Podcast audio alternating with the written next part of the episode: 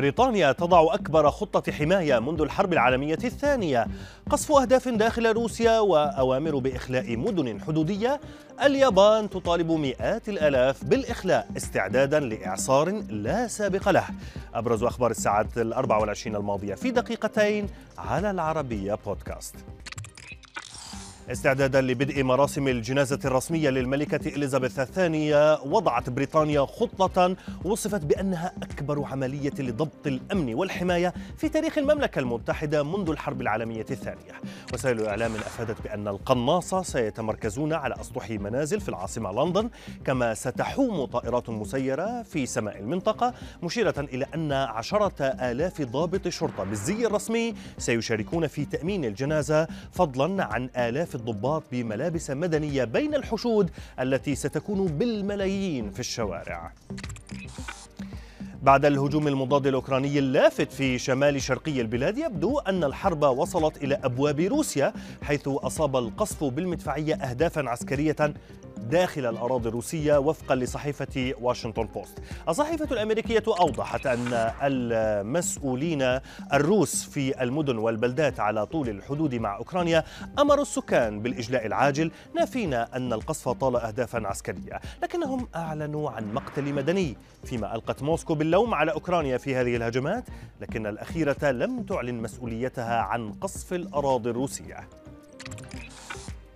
في تجمع حاشد لأنصاره بولاية أوهايو قال الرئيس الأمريكي السابق دونالد ترامب إن الألمان قد يخسرون بلادهم بسبب انخفاض إمدادات الطاقة الروسية على خلفية الحرب في أوكرانيا.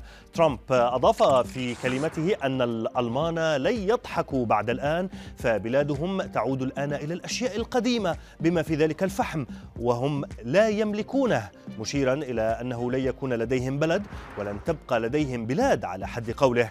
وذكر ترامب أن الألمان ضحكوا في وقت سابق من تحذيراته عندما أخبرهم عن مثل هذه التهديدات. إلى تايوان هذه المرة حيث أفاد مكتب الأرصاد الجوية بأن زلزالا قوته 6.8 درجة على مقياس ريختر. هز الجزء الجنوبي الشرقي منخفض الكثافة السكانية من الجزيرة دون الإبلاغ عن سقوط ضحايا. هيئة المسح الجيولوجي الأمريكية قدرت قوة الزلزال عند 7.2 درجة فيما أصدر المركز الأمريكي للتنبيه تحذيرا من أمواج المد العاتية وأصدر تحذيرا في تايوان من وقوع تسونامي بعد الزلزال العنيف الذي أدى إلى خروج عربات قطار عن القضبان وانهيار مبنى وتقطع السبل بالمئات على طرق جبلية.